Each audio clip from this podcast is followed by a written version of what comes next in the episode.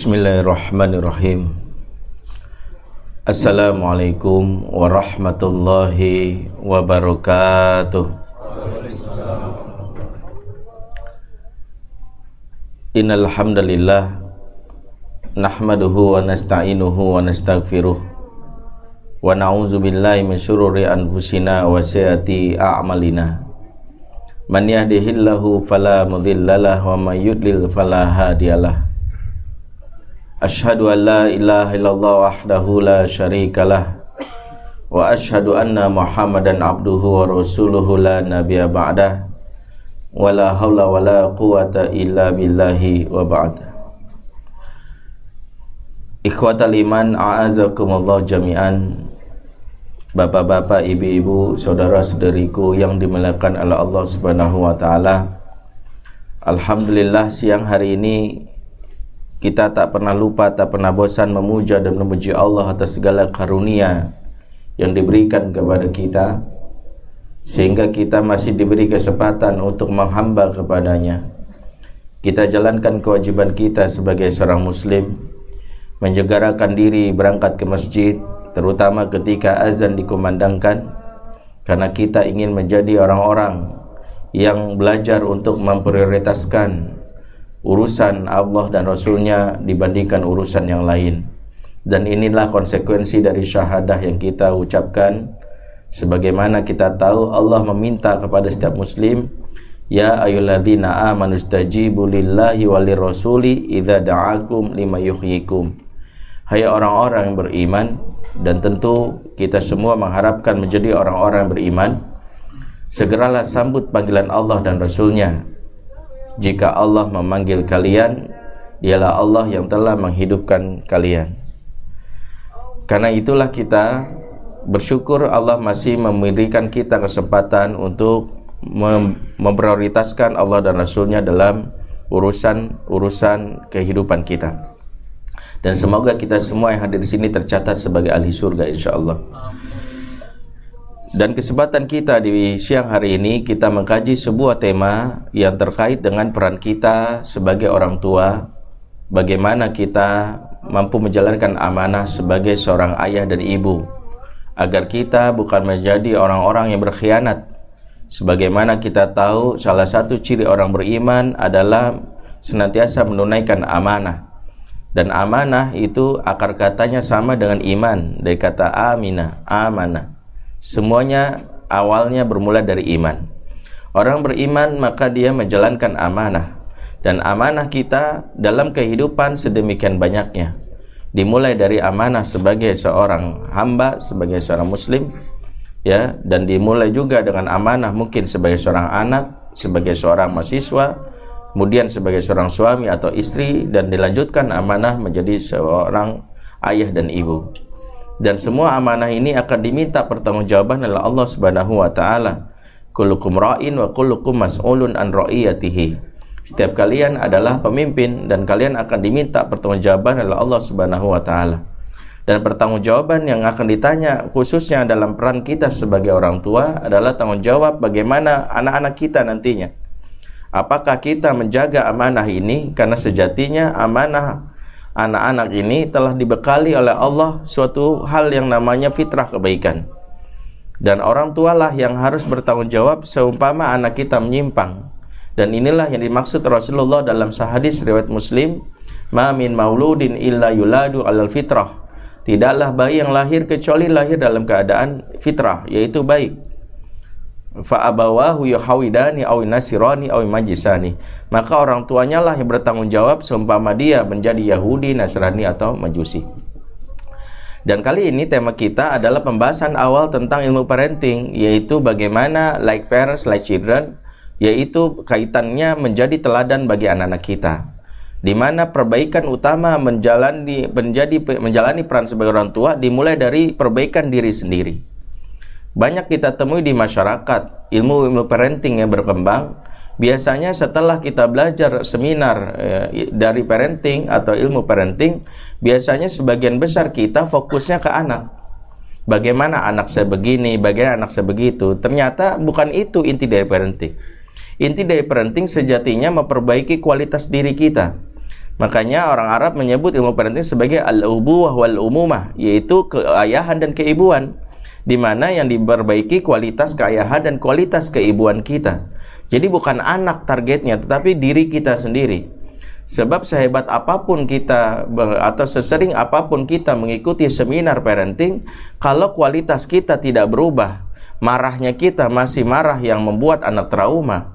Kalau kita kesal, kita membanting piring, maka teori apa pun dari parenting tidak akan pernah berhasil menciptakan anak-anak yang tangguh. Bahkan saya ingat suatu saat seorang ibu yang datang konsultasi kepada saya. Saya ingat ibu ini salah seorang ya istri dari pejabat di negeri ini. Tiba-tiba dia ingat dia dia uh, selalu hadir dalam kajian saya. Hampir tidak pernah absen dalam setiap kajian saya. Selalu ditanya, Ustadz hari ini kajian di mana? Kajian ibu-ibu maksudnya. Saya akan hadir ya. Dia selalu meminta supirnya mengantar tapi suatu hari dia cerita bagaimana masalah dia. Di mana dia kalau sudah marah dan ini yang harus kita memohon perlindungan pada Allah. Dia bilang kalau dia sudah marah dan di luar kontrol, dia tidak segan-segan ya dia punya anak ya yang pertama umurnya 10 tahun, sekitar kelas 3 SD, dia tidak segan-segan mendorong anaknya di lantai 2 jatuh ke lantai 1 lewat anak tangga. Dan itu bisa membuat anak dia anak dia menangis, membawa anaknya ke UGD, besoknya begitu lagi. Ada yang salah ternyata selama ini dia ikut seminar parenting fokusnya ke anak dia lupa bahwa dia lupa memperbaiki kualitas diri dia khususnya saat marah. Dan inilah yang harus kita pelajari bahwa anak-anak kita belajar dari cara kita menyikapi kehidupan. Anak-anak kita sejatinya belajar bagaimana menjalankan perannya nanti ketika dewasa dari cara kita ketika menjadi orang dewasa. Itulah kenapa anak adalah cermin bagi kita Ketika anak kita misalnya marahnya melempar piring, bisa jadi kita marahnya melempar pintu. Ya kenapa? Karena dia melihat apa yang dilihat oleh dia itulah yang ditiru olehnya. Maka jangan sepelekan kalau anak-anak melakukan perbuatan buruk, jangan tuding nih gara-gara nih warnet nih jangan gara TV tidak. Bisa jadi itulah gara-gara kita. Ya, makanya ketika anak saya ngambek nyebelin banget misalnya, ya istri saya bilang, "Kamu belajar ngambek dari mana sih?" Saya bilang, "Ya itulah kita." Saya bilang ya mau bilang itulah dia kan gak enak ya. Itulah kita gitu. Agar kita belajar ya itulah kita bahwa kalau ngambek ya itu dia meniru dari mana dari orang tuanya. Ya kalau dia berbohong dia lihat dari mana dari orang tuanya. Karena dia tidak bisa belajar di mana-mana kecuali orang tuanya. Suatu saat ada seorang ibu yang nelpon saya minta tolong konseling anaknya, ya anaknya mau mau ujian nasional tapi nggak siap belajar Ya dia bilang, Ustaz tolong saya, anak saya ini kok nggak bisa belajar dengan tenang, cemas mulu bawaannya. Dia khawatir nggak gagal, dia khawatir nggak lulus, dia khawatir ntar dipermalukan temannya. Orangnya cemas banget jadi nggak bisa belajar. Coba lihat dari dialog aja sudah sekilas ibunya aja pencemas. Jadi sampai-sampai saya bilang, ibu-ibu tenangin diri dulu. Nggak bisa Ustadz, ini masa anak saya kok giling gimana? Nah itu saya bilang. Bagaimana bisa ibu menerbitkan rasa tenang kalau ibu sendiri nggak tenang? Ibunya aja pencemas. Saya ceritakan kepada ibu ini, ibu tahu dulu ada seorang foto model di Rusia, saya tinggi singkat saya, yang harus menjalani terapi psikiater. Kenapa? Karena dia kalau misalnya mau naik panggung catwalk jam 6 malam, dia harus sudah standby dari jam 6 pagi di ruang uh, apa uh, catwalk karena khusus untuk dandan dia saja untuk wajahnya membutuhkan waktu kurang lebih 4 jam. Mukanya saja di permak harus 4 jam. Bukan karena dia nggak cantik, tapi setiap dia dandan selalu dia marah-marah, kurang puas, kurang puas. Padahal dia sudah cukup cantik menurut pakar uh, make upnya untuk uh, yang mendandan wajahnya udah cukup, tapi dia nggak kurang-kurang 4 jam sampai 6 jam. Inilah yang terjadi sama dia sampai akhirnya datang ke psikiater setelah di ya, melakukan beberapa kali pertemuan konseling barulah diketahui bahwa yang namanya wanita ini dia memiliki seorang ibu yang ibu ini setelah lahiran anak keduanya ya dia merasa tubuhnya tidak menarik lagi sehingga dia khawatir suaminya selingkuh. Sehingga waktu anak ini yaitu si wanita ini waktu kecil umur 4 tahun dia lihat ibunya selama di kamar kalau dandan selalu tidak pernah bisa sebentar jadi kalau misalnya pakai lipstick langsung dihapus, ah kurang. Pakai blush on kurang. Jadi seperti itu terus. Itu yang di, di, di, diterima di dalam akalnya dia dan itu yang harus di, dia lakukan pada saat dia sudah menjadi remaja. Perhatikan. Maka jangan kita menganggap sepele perbaikan diri ini. Sampai-sampai kalau kita lihat Al-Quran memberikan isyarat yang sering kita dengar ayatnya Ya ayyuhalladzina amanu ku anfusakum wa ahlikum nara Hai orang-orang beriman jaga dirimu dan keluargamu dari siksa api neraka Allah memulai dengan dirimu dulu karena engkau tidak mungkin menyelamatkan keluargamu dari api neraka kalau engkau sendiri ternyata tidak selamat. Engkau sendiri tercatat sebagai ahli neraka. Omonganmu nggak akan didengar oleh anak-anakmu. Nasihatmu tidak akan pernah mempan kepada pasanganmu. Kenapa? Karena dirimu sendiri orang bermasalah. Ya, bagaimana mungkin kita mengajarkan anak kita sabar kalau kita sendiri orang nggak sabaran? Sabar, sabar, sabar. Nah, gitu. Nggak bisa. Sabarnya sambil gitu, sabar, awas kalau nggak sabar, lihat aja, subit. Nah, nggak mungkin. Anak kita belajar kesabaran dari cara kita yang tidak sabar dan ini sesuatu yang sia-sia. Karena itu kita belajar bahwa bagaimana menjadi orang tua dimulai dari mana kualitas perbaikan diri dan inilah yang harus kita pelajari di kesempatan siang hari ini agar kita jangan menjadi pribadi NATO dan inilah sering diingatkan dalam Al-Quran karena Allah sangat membenci pribadi yang no action talks only di mana sering kali menyebutkan banyak nasihat kepada orang lain khususnya keluarga namun dia sendiri adalah sebagai pelaku utama perbuatan buruk tersebut. Ya ayyuhalladzina amanu lima ma la taf'alun? Kabura maqtan indallah ma la taf'alun. Inilah Allah mengingatkan sangat benci Allah kepada siapa? Orang-orang yang cuma bisa ngomong doang, tapi nggak bisa ngejalanin. Dia pinter banget memberi nasihat. Dia bilang sama anaknya, awas ya jangan rokok, awas. Habis puntung rokok dipegang di kepitan jarinya, awas nanti disundut. Dia bilang anak jangan merokok, tapi dia sendiri merokok. Dia bilang anak rajin sholat, dia sendiri azan berkumandang masih berada di dalam uh, tempat uh, tempat uh, ruang tamu untuk menonton TV Inilah yang terjadi orang tua seperti ini dan orang-orang seperti ini nasihatnya tidak akan pernah mempan. Ya, karena dia melakukan sesuatu yang berbeda dengan apa yang dilihat dan apa yang didengar. Makanya kalau kita lihat contoh dari para nabi dan kita akan bahas ini nanti ya dalam beberapa isi asal Quran ternyata keteladanan adalah nasihat yang paling nyentil dibandingkan seribu kata maka cukup satu keteladanan menjadi contoh bagi anak-anak kita maka orang tua orang tua yang tak pernah berupaya memperbaiki dirinya maka teori apa pun tak mampu menjadikan anaknya berada dalam kebaikan. Inilah yang harus kita pahami. Sampai-sampai kita lihat ya dalam sebuah kisah misalnya bagaimana seorang bernama Imam Hasan Al Basri ya salah satu ulama yang sangat uh, warok ya dalam banyak hal dia mencontohkan bagaimana dakwah yang elok bagi masyarakat. Dikisahkan suatu hari ada seorang budak yang mendatanginya. Budak ini meminta uh, request ceramah ya. Jadi saat itu ceramah aja bisa di request. Ya, apa kata budak ini? Tolong saat engkau khutbah Jumat pekan ini, sampaikanlah kepada majikan-majikan kami untuk bebaskan para budak.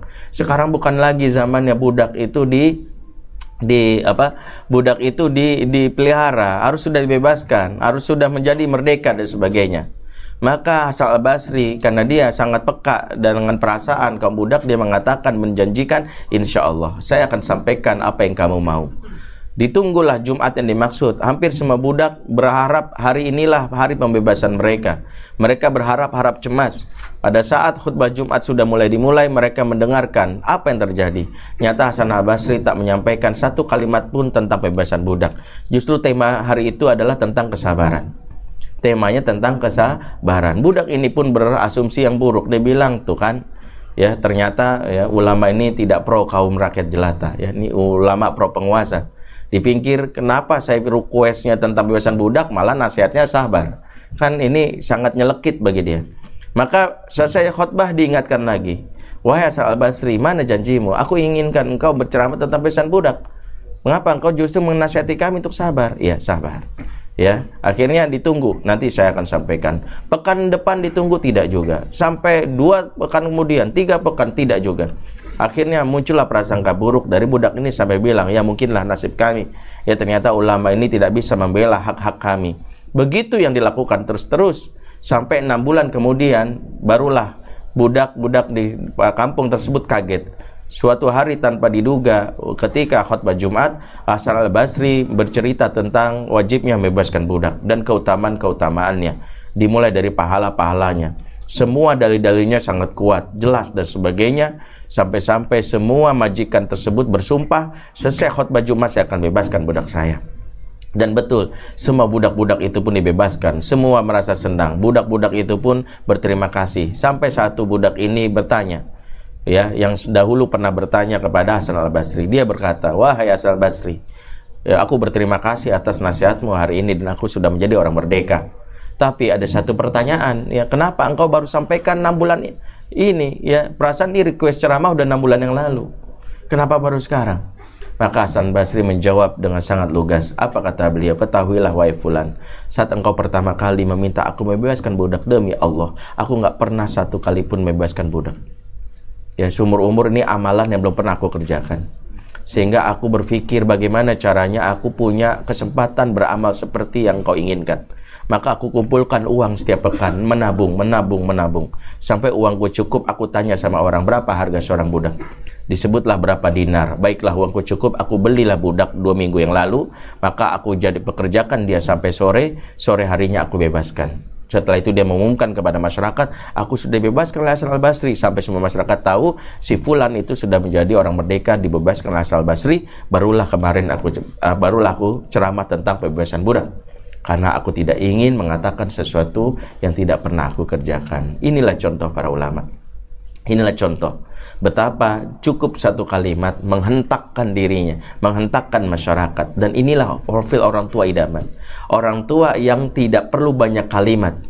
Orang tua yang tidak perlu banyak kata. Orang tua yang cukup mengatakan, eh, cukuplah menjadikan pelajaran untuk anak. Orang tua yang karena sering sholat ke masjid, kemudian ketika anaknya malah sholat mengatakan, nah sholat itu sudah menjadi kalimat yang menggetarkan hati anak. Tidak perlu banyak ayat yang disampaikan. Maka kalau ternyata orang tua saat ini mengalami anak-anak yang malas, anak-anak yang kelihatan tidak punya semangat dalam beragama atau tidak memiliki ya keperbaikan akhlak, maka tertuduh yang harus kita tuding pertama, ambillah cermin dan katakan engkau yang belum berubah engkau yang belum berbuat baik, engkau yang selama ini masih terkubang dalam dosa, sehingga anak-anakmu pun berada dalam kubangan dosa yang tak bisa keluar dari kubangan tersebut. Bangkitlah dari rasa malas, bangkitlah dari hal-hal yang buruk, perbaiki dirimu, perbanyak istighfar dan sebagainya. Inilah yang harus kita lihat.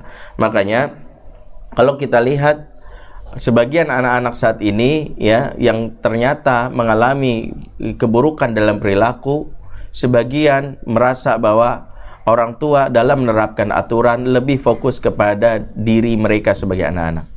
Ya, tidak pernah fokus kepada kekitaan. Ingat, prinsip dalam pendidikan adalah fairness, keadilan. Keadilan ini adalah salah satunya menempatkan anak dan kita sebagai orang tua sebagai objek atau subjek yang sama. Tidak berpikir bahwa saya lebih tahu, tidak. Maka kekitaanlah yang kita terapkan, bukan Anda. Peraturan yang diterapkan di rumah bukan peraturan untuk kamu sebagai anak, tidak. Kenapa anak-anak sekarang coba tanyakan, saya konselor anak, makanya saya tahu kenapa anak-anak sekarang pengen cepat gede. Kalau ditanya kenapa sih pengen cepat gede? Karena alasan mereka pengen cepat-cepat melanggar aturan. Karena bagi mereka aturan itu untuk bocah. Bocah harus bangun, harus tidur siang. Bocah itu harus makan yang benar. Bocah harus ini, harus ini, nggak boleh ini, nggak boleh ini, nggak boleh ini. Tapi kita lihat orang dewasa banyak yang nggak tidur siang, banyak yang nggak ini, banyak yang nggak ini. Apa kata mereka? Enak jadi papa mama, cepat melanggar aturan. Maka mereka memohon supaya cepat besar, bukan karena apa-apa, karena bagi mereka besarnya mereka adalah sarana untuk mereka melanggar aturan. Ya, banyak sekali kejadian ditemukan. Misalnya orang tua yang gampang sekali ya mengatakan awas ya jangan main gadget, tapi kita sendiri nggak pernah ya kelihatan lepas dari gadget kita. Pernah ada seorang ustazah yang akhirnya dikomplain sama anak-anaknya. Ya ustazah ini bikin aturan sendiri dalam rumahnya. Di rumah ini, anak wanita harus pulang maksimal jam 7 malam. Dia bilang begitu. Karena dia punya anak putri 5. Malu wanita kok pulang lebih dari jam 7. Emangnya apaan? Digituin anaknya. Suatu saat ustazah ini pulang jam 8 malam. Anaknya nunggu di rumah, ingin tahu apa kata pendapat ibunya, apakah minta maaf tidak? Apa kata ustazah ini? E, Umi ini ustazah yang melayani banyak umat. Ya, jadi banyak yang curhat. Jadi wajar kalau pulang jam 8. Kalau kamu kan nggak ngapa-ngapain. Apa sikap anak kita tuh kan gitu. Giliran dia aja banyak seribu dalih. Banyak dalil yang bisa saya sampaikan. Maaf ustazah. Jadi bukan kalimat maaf Umi salah. Umi tahu ini sesuatu yang buruk. Umi siap untuk menjalani konsekuensinya. Umi siap dihukum. Inilah yang diinginkan oleh anak kita.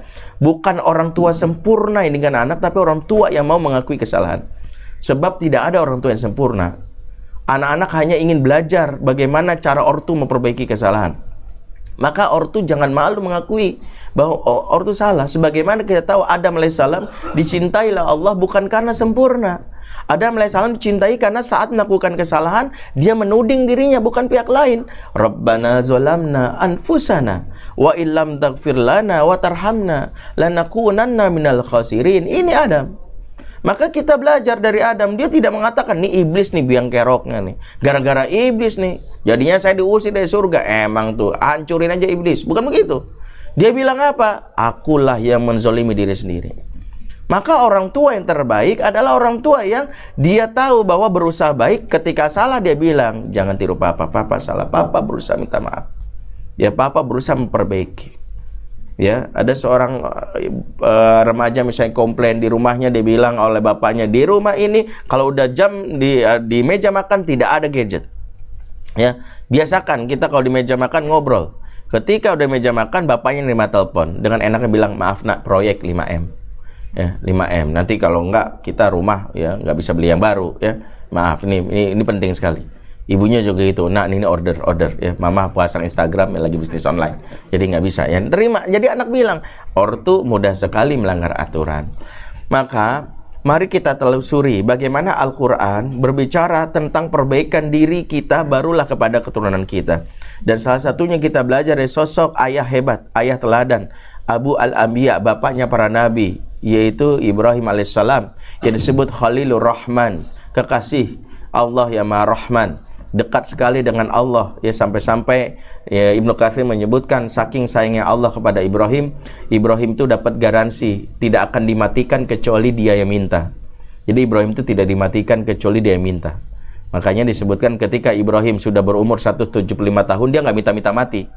Ya dan Allah tidak langsung mencabut nyawanya karena dia berjanji tidak akan mencabut nyawa kecuali Ibrahim yang minta. Tapi Ibrahim ini kayaknya asik hidup aja gitu. Padahal udah tua Akhirnya Allah mengutus sosok malaikat yang ber, yang bertampang tua lemah ya kemudian berjenggot 11 atau 12 lembar disebutkan dalam riwayat dan kakek tua ini datang dalam keadaan yang sangat payah. Kemudian Ibrahim sebagai pelayan tamu, dia sangat dikenal sebagai orang paling baik sama tamu, maka melihatnya dan melayaninya. Kenapa kek? Kamu kakek seperti lelah sekali. Maka dibantulah kakek tua ini ya dibawa ke dalam, kemudian ditanya, "Kakek umurnya berapa?" 177 tahun. Oh, beda 2 tahun sama saya. Udah sepuh aja kan gitu ya. Kemudian dikasih minum. Apa kalimat kakek ini? Dia bilang, "Orang kalau sudah tua tidak produktif lagi, ya, akan banyak menyusahkan banyak orang." Ya inilah sunnahnya kematian agar orang lain bisa menjalani kehidupannya masing-masing tanpa terbebani dengan kita. Ya, mohon maaf nih kalimat ini jangan sampaikan kepada bapak kita yang lagi sakit ya. Ini kurang ajar ya. Jangan sampai riwayat ini, keep riwayat ini sampai di sini. Ya sampai lagi ke orang tua kita sakit, saya dengar Ustadz Bendi cerita begini pak. Ya ini, ini kan ini sungguh menyakiti perasaan orang tua gitu ya. Nah, Kalimat ini menyindir Ibrahim. Dia sadar, oh iya benar juga, umurku sudah sepuh 175 tahun dan aku sudah tidak produktif lagi, tidak ada yang bisa aku kerjakan. Ya, kalau aku hidup malah membebani banyak orang, aku tahu Allah akan mencabut nyawaku kalau aku eh, meminta. Maka dia pun mengharapkan. Persis setelah malaikat itu pergi, dia memohon kepada Allah dicabut nyawanya hari itu. Ini yang uh, yang bisa kita pelajari. Ibrahim, sosok yang luar biasa di dalam sejarah Islam. Nah, kita lihat Ibrahim ya memiliki beberapa keteladanan. Walaupun di Al-Qur'an bisa jadi ada contoh-contoh di luar Ibrahim. Yang pertama, belajar dari Ibrahim yang meneladani dalam urusan akidah. Dan ini kita lihat di dalam surat Ibrahim ayat 35 36. Bagaimana fokus Ibrahim dalam urusan pendidikan itu akidah dimulai dengan doanya pada saat meninggalkan Hajar dan Ismail ya ya di daerah Mekah. Ya beliau memulai dengan doa wa qala Ibrahim rabbi ij'al hadzal balada amina. Ya Tuhanku jadikanlah tempat tempat tempat negeri ini negeri yang aman dan nyaman. Wajnubni wa baniya an asna perhatikan dia memulai dengan wajnubni. Ya dia tidak bilang mana wajnub baniya. Dia bilang wajnubni. Dia minta dirinya Sebab dia tahu bahwa akidah itu akan selalu dirongrong oleh syaitan. Akan berupaya untuk dihancurkan pondasi ini. Maka dia memohon kepada Allah, jaga diriku dan keturunanku dari menyembah berhala. Ibrahim selalu memohon dari dirinya. Kenapa? Karena dia tahu bahwa akidah ini pondasinya. Dan dia mengharapkan kepada Allah dan kita lihat anak-anaknya belajar dari sosok Ibrahim, sosok yang memang dimulai dari masa mudanya tidak pernah toleran dalam hal penyimpangan akidah. Makanya rela dibunuh. Kita tahu bagaimana pada saat orang lain menyembah patung, bahkan bapaknya sendiri yaitu Azar yang menyembah patung, bahkan membuatnya memproduksi patung. Ya. Jadi Ibrahim punya bapak yang memproduksi Tuhan ya di rumahnya. Jadi punya pabrik Tuhan ya Tuhan diproduksi sendiri. Ya, ini oleh Ibrahim dihancurkan. Berani dia sendiri seorang diri. Maka disebut pada saat Ibrahim menjadi e, masih muda, beliaulah satu-satunya orang beriman di muka bumi ini. Ya, al-imam muwahhidin disebut gelarnya. Imamnya orang-orang bertauhid sendirian dia. Jadi umat Islam pernah mengalami masa di mana sedunia cuma satu orang. Jadi BPS mungkin harus mencatat ini. Di masa Ibrahim, umat Islam sedunia cuma satu yaitu Ibrahim. Di luar itu kafir semua. Ya, makanya dia disebut Khalilur Rahman. Sedunia cuma satu. Karena itu dia berani menentang, dia berani melawan. Dia buktikan, dia hancurkan patung tersebut, dia sisakan satu patung yang besar, kita tahu kisahnya. Sampai akhirnya rajanya marah dan menuding Ibrahim dan Ibrahim akhirnya dibakar dan Allah menyelamatkan Ibrahim. Tetapi kisah ini menjadi sebuah pelajaran. Meskipun ini terjadi masa muda, maka cerita ini menjadi sebuah pembekalan bagi anaknya saat tumbuh. Ya sehingga orang tua anaknya tahu oh ternyata bapak dari sebelum aku lahir saja masa mudanya sudah berani melawan kemungkaran. Maka dia belajar untuk mengetahui hal tersebut. Makanya bagi yang belum nikah ya, menabung, menceritakan hal-hal positif di saat kita masih muda, ini menjadi suatu hal yang mampu menggairahkan anak saat dia dewasa ya. Ya pak ini kenapa ada bekas luka ya? Kok nggak sembuh sembuh papa ikut aksi 212 ya. Nggak se ya kakak ya papa diinjek injek sama orang ya.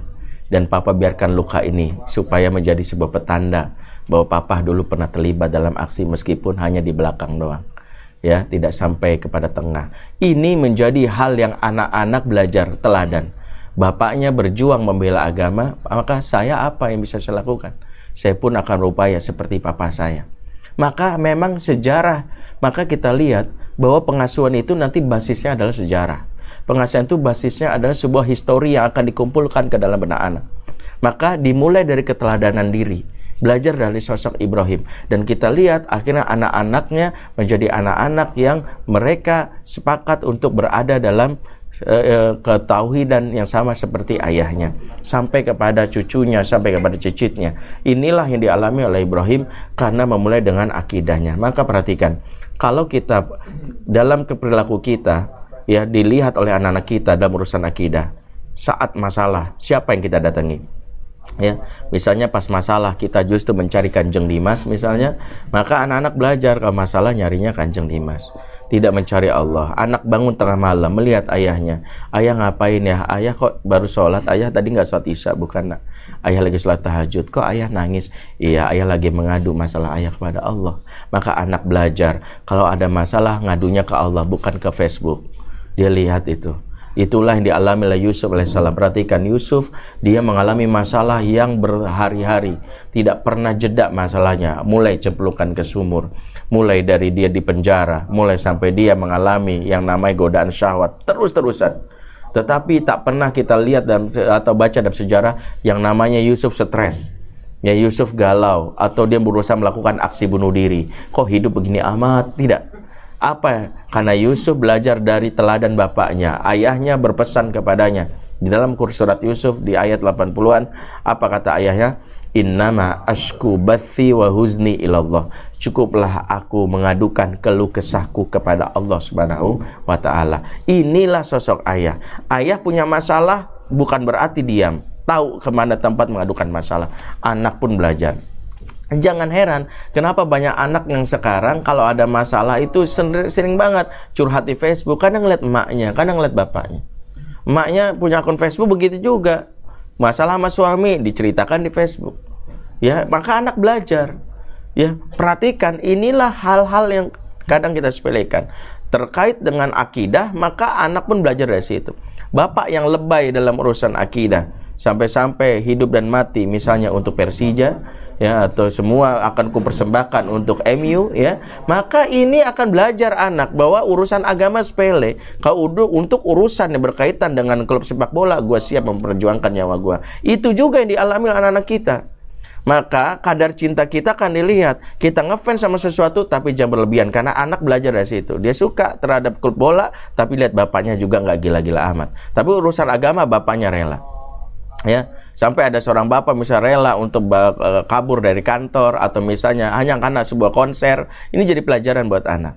Ya bapak yang rela mendukung sebuah paslon misalnya hidup dan mati ya semua untuk dia itu juga menjadi pelajaran buat anak. Ya bahwa anak ternyata melihat bahwa ayahnya gigih dalam urusan yang berkaitan dengan urusan tauhid maka dia pun melihatnya sebagai hal tersebut. Ini teladan yang pertama yang kedua, Al-Quran menceritakan bagaimana sosok Ibrahim dalam urusan ibadah. Ibrahim mencontohkan dalam doanya yang sering kita bacakan juga untuk menjadikan anak kita rajin dalam hal ibadah.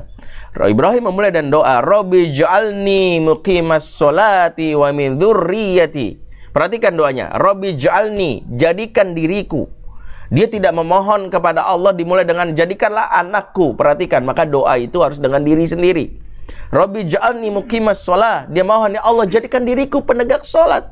Barulah dia mohon anak keturunanku.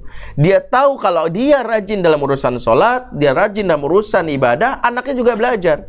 Makanya sejarah mencatat anaknya yaitu Ismail menjadi sosok yang cepat merespon perintah Allah karena bapaknya juga dikenal sangat cepat merespon perintah Allah. Dalam sebuah riwayat dalam kitab Tufatul Maulud di Ahkamil Maulud, ya Ibnu Qayyim Al-Jauziyah menceritakan bagaimana Allah pada saat Ibrahim sebelum Ismail lahir, Ibrahim itu dapat perintah dari Allah untuk um, uh, berkhitan, ya, untuk dikhitan. Ya, Ibrahim diperintahkan untuk khitan. Dan perhatikan saat perintah Allah di um, perintah Allah ini menyuruh Ibrahim berkhitan, para ulama Ibnu Hajar dalam kitab Fathul Bari menyebutkan itu umur beliau 80 tahun. 80 tahun. Riwayat lain mengatakan 120 tahun ya. Walaupun 80 120 tahun intinya sama ya, dagingnya udah alot ya. Pokoknya saat Allah memerintahkan hitan umurnya sudah sepuh. Apa reaksi Ibrahim? Ketika perintah hitan ini turun, walaupun perintah ini belum sempurna, masih ada ayat berikutnya. Ternyata ketika perintah ini turun, Ibrahim tidak mikir panjang, diambil golok langsung dipotong ujung maluannya sampai berdarah berceceran. Sampai-sampai Allah menegur, kenapa nggak tunggu perintah berikutnya? Ya, main potong aja ya.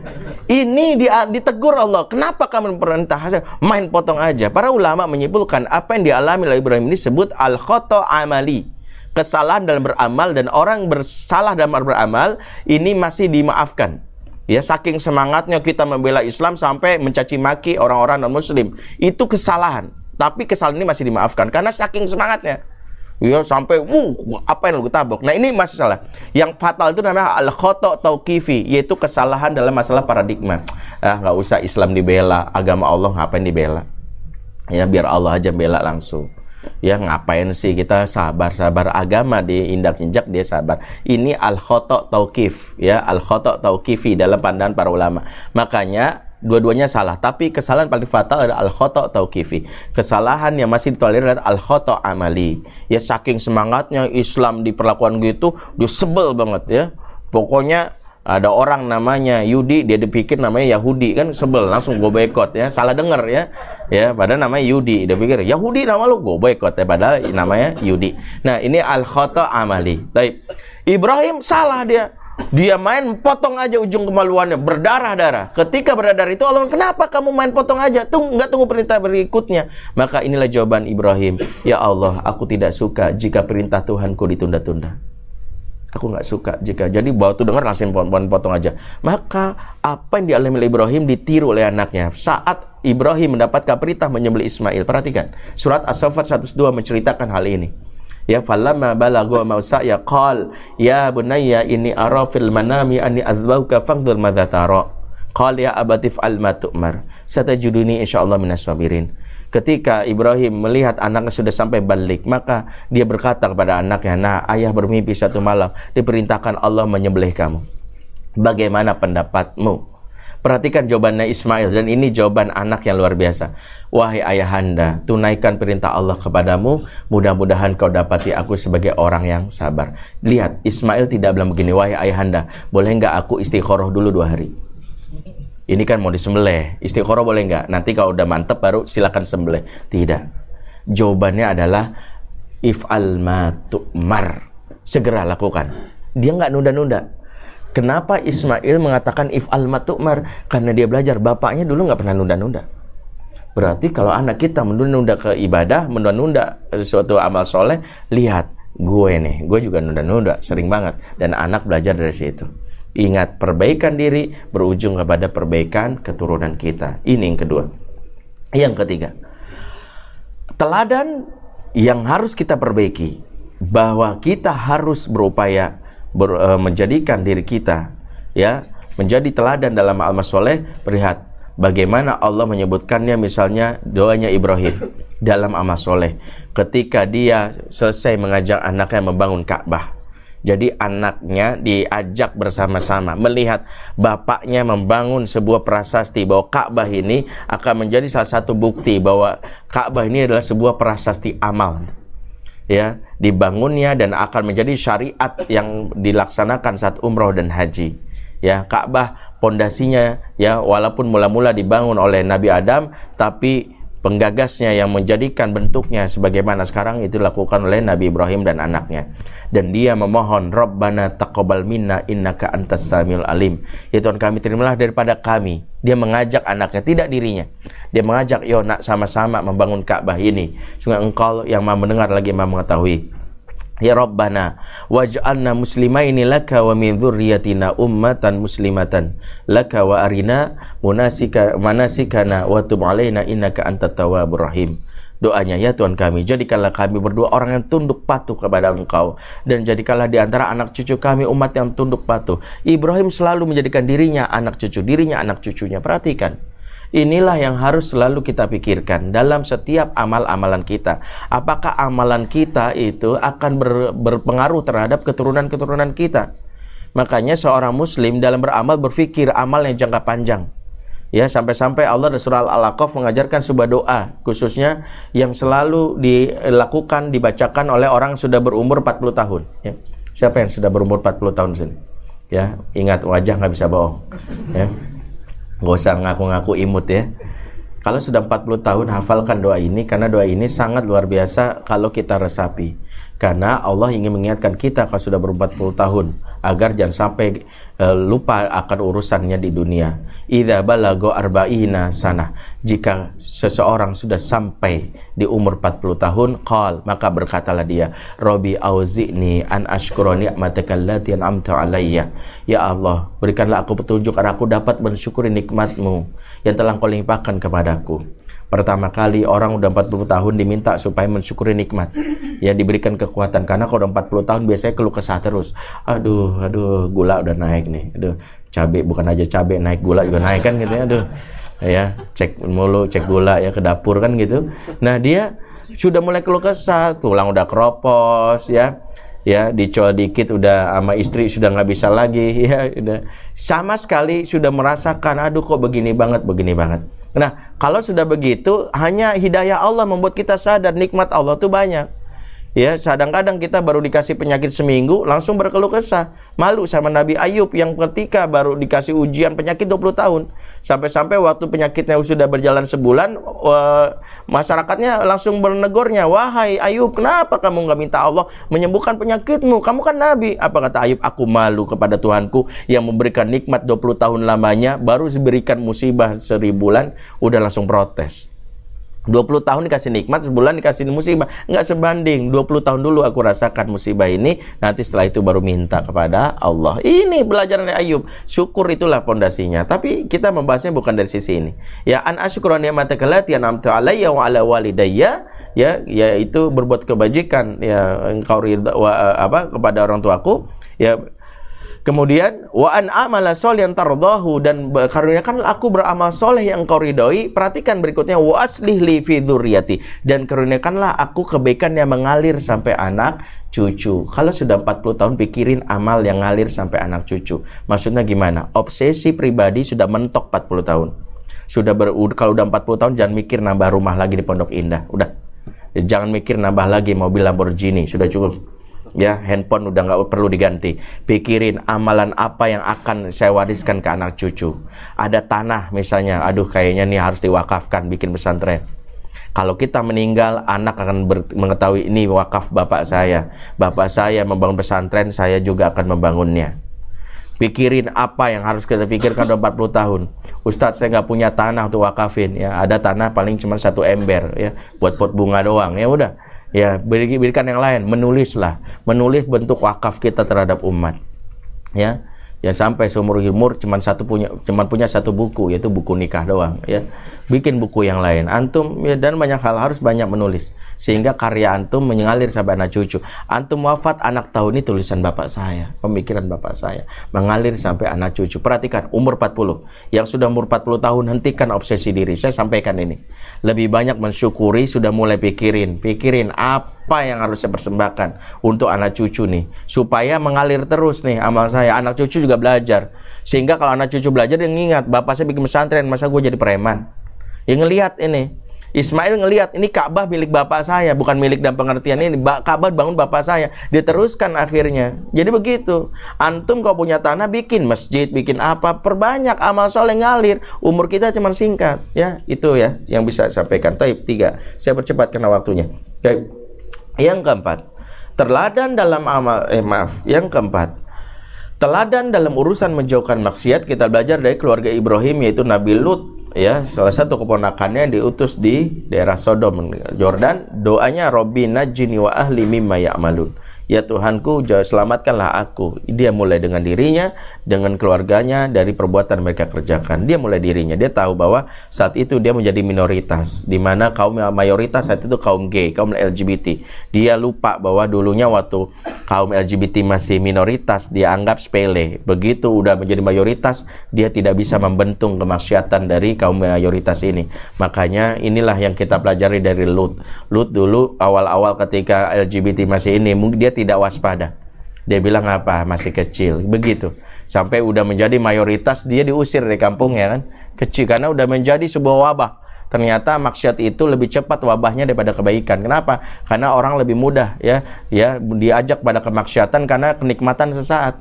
Ya, makanya lebih mudah di menyebar dibandingkan mungkin dakwah. Makanya cepat menyebar ya, cepat menyebar ya sampai akhirnya dia memohon dirinya diselamatkan jangan sampai ikut-ikutan. Dan ini yang harus kita pelajari amanah kita. Kita orang tua yang kalau makan gak peduli halal dan haram. Makanan juga begitu juga. Makanya kalau makan ajarkan anak. Jangan sampai ke anak kita nggak tahu ini label halal. Nah, lihat, lihat dulu kok ke Indomaret, ke Alfamart. Kalau kita mau belanja utamakan toko muslim, jangan ke toko non muslim agar uangnya mengalir ke masyarakat muslim sendiri. Anak belajar dari situ. Tegas dalam masalah halal dan haram. Ya, jangan sampai kita sepele karena kalau sekarang umat Islam kalau cari makan kan kalau Quran kan kulumi ma fil ardi halalan thayyibah. Kalau uh, orang zaman sekarang kulumi ma fil ardi murah wa maknyus kan gitu ya. Yang dicari murah maknyus, murah maknyus. Lupa nanya ini halal nggak, toib nggak? Ini harus kita perhatikan.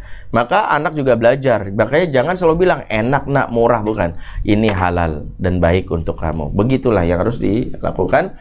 Yang kelima, Ibrahim mengajarkan teladan dalam masalah life skill kepemimpinan karena dia ketika Allah anugerahkan sebuah keutamaan ini jailu kalinasi imama. Aku karuniakan kepadamu seorang kepemimpinan. Maka dia pun mengarahkannya untuk anaknya untuk cucunya. Wa min saya juga mohon anak saya. Inilah orang tua. Dianugerahkan kepemimpinan dia pengen anaknya juga meneladani kepemimpinan dia yaitu menjadi seorang khalifatul fil ard Ikhwat al-iman, waktu yang singkat memaksa, uh, meminta saya untuk mengakhiri kajian hari ini, tapi intinya dari lima poin ini, evaluasi akidah kita, ibadah kita, dalam masalah amal soleh kita, dalam masalah berkaitan dengan uh, kita menjauhkan maksiat dan dalam masalah kepemimpinan, ya, apakah sudah memperbaiki diri? Sehingga lima poin ini akan memperbaiki kualitas dari anak-anak kita. Mudah-mudahan bermanfaat. Aku lu haza fastaghfirullahu li wa lakum. Wassalamualaikum warahmatullahi wabarakatuh. Karena sudah lebih dari pukul satu kita tutup secara formal. Insya setelah ini apabila yang perlu ditanyakan, Mari kita tutup dengan alhamdulillah, alhamdulillah, tentang keputusan Assalamualaikum warahmatullahi wabarakatuh. Waalaikumsalam. Apabila ada yang mau tanyakan, Pak Ustaz, silakan.